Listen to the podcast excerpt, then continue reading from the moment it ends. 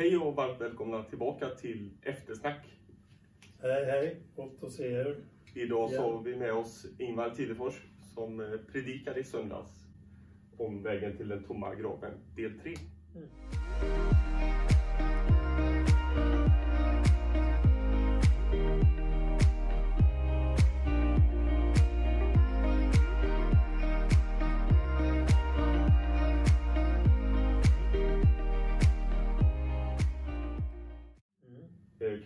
Eh, Kan du lite din predikan om vad det var som du predikade om i söndags?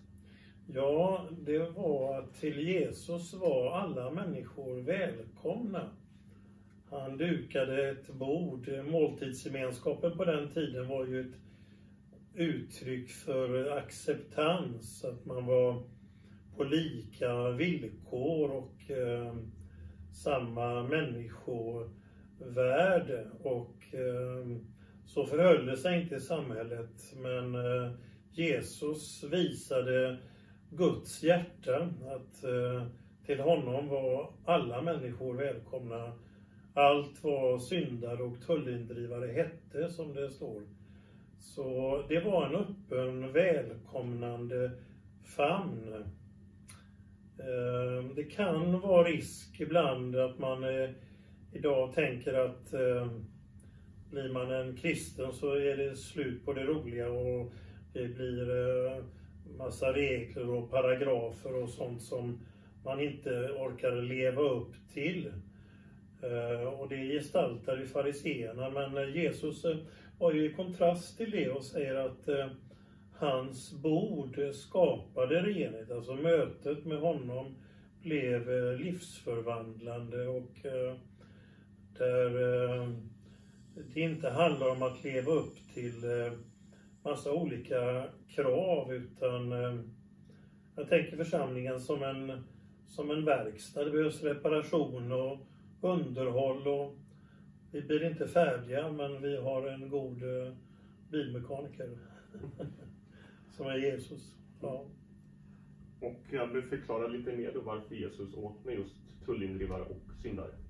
Ja, alltså man kan säga så här att eh, Jesus ser människans eh, absoluta värde. Det var något jag glömde säga egentligen i min predikan. Det finns en dansk eh, filosof och teolog som heter Peter Kemp som har skrivit en bok som heter Det oersättliga.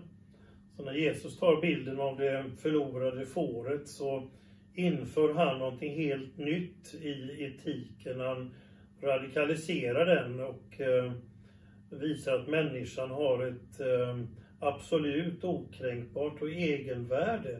Så hade man aldrig sett på människan förut.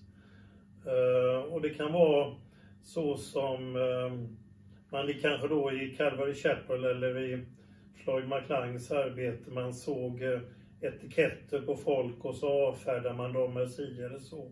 Men Jesus såg bortom, han såg människan och nyckeln var ju där att fariséerna ville ju inte lyssna.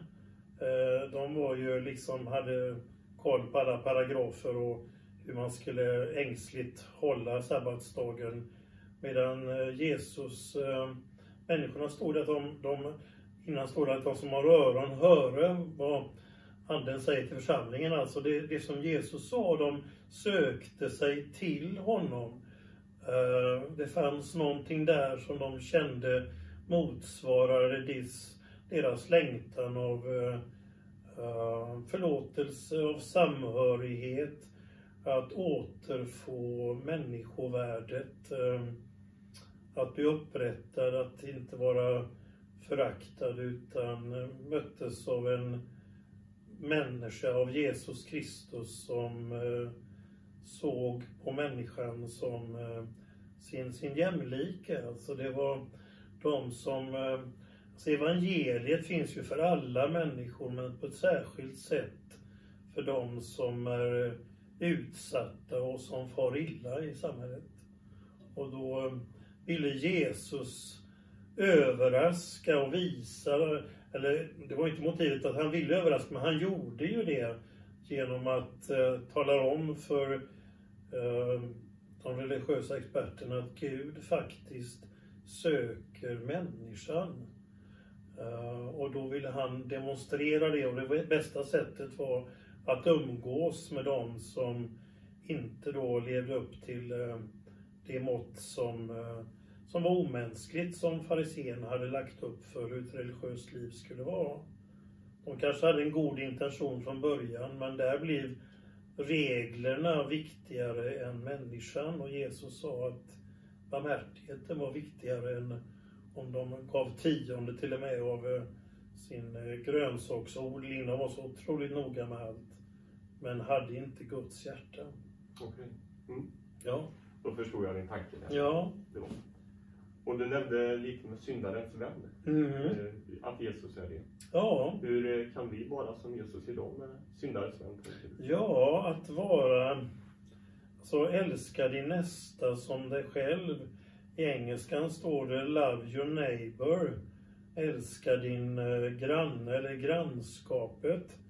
Och egentligen kan man tänka sig alltså de som eh, finns kanske utanför eh, eh vår, eh, våran grupp eller samhörighet. Alltså att vi inte bara finns med hur roligt och viktigt det än är att mötas som de som följer Jesus, att få mötas tillsammans. Så eh, handlar vänskapen också att vara en vän och, och till eh, människor som finns i vår stad. Och vänskap är något som tar tid att odla en relation. Det ehm, kan ju ta många, många år.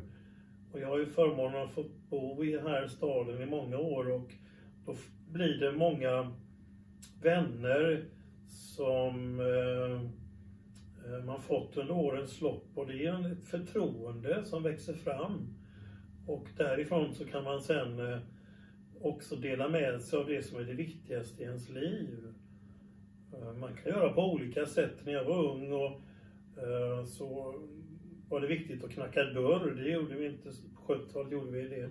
Och eh, vi gjorde det på fredagskvällar och alla kvällar också och kom och knackade dörr och frågade hur folk hade det med Gud. Och, eh, det kanske inte var den bästa tajmingen. Men på en fredagkväll och det gick en västernserie som hette Macahan som folk tyckte om och så kom vi och frågade hur de hade det med Gud. Men det blev en hel del samtal. Eh, men kanske att vi försökte mest liksom då jobba med att argumentera människor till tro till man upptäckte att eh, Alltså utan baktanke, förutsättningslöst odla vänskap med de människor som finns nära oss. Eh, för människans skull och sen så blir det naturligt.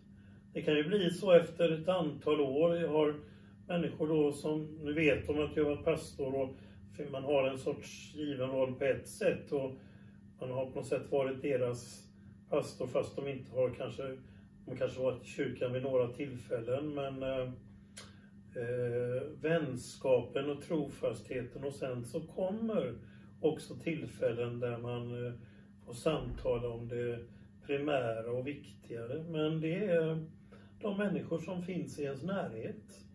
Att vara en vän och eh, ehm, det, det mår man bra av. Eh, är man bussig mot andra människor så ökar möjligheten att de är bussiga mot mig. det är bra för alla och till nackdel för ingen. Men att vara en vän är uh, inte, det är alltså um, tillit, förståelse, acceptans och uh, att vilja en annan människa väl. Mm. Tack Ingmar för det mm. som du har delat. Tack. Och hela predikan finns ju på vår Youtube-sida som ni gärna kan kolla in. Men eh, ha det så bra så ses vi nästa vecka med ett nytt avsnitt av Eftersnack del 4.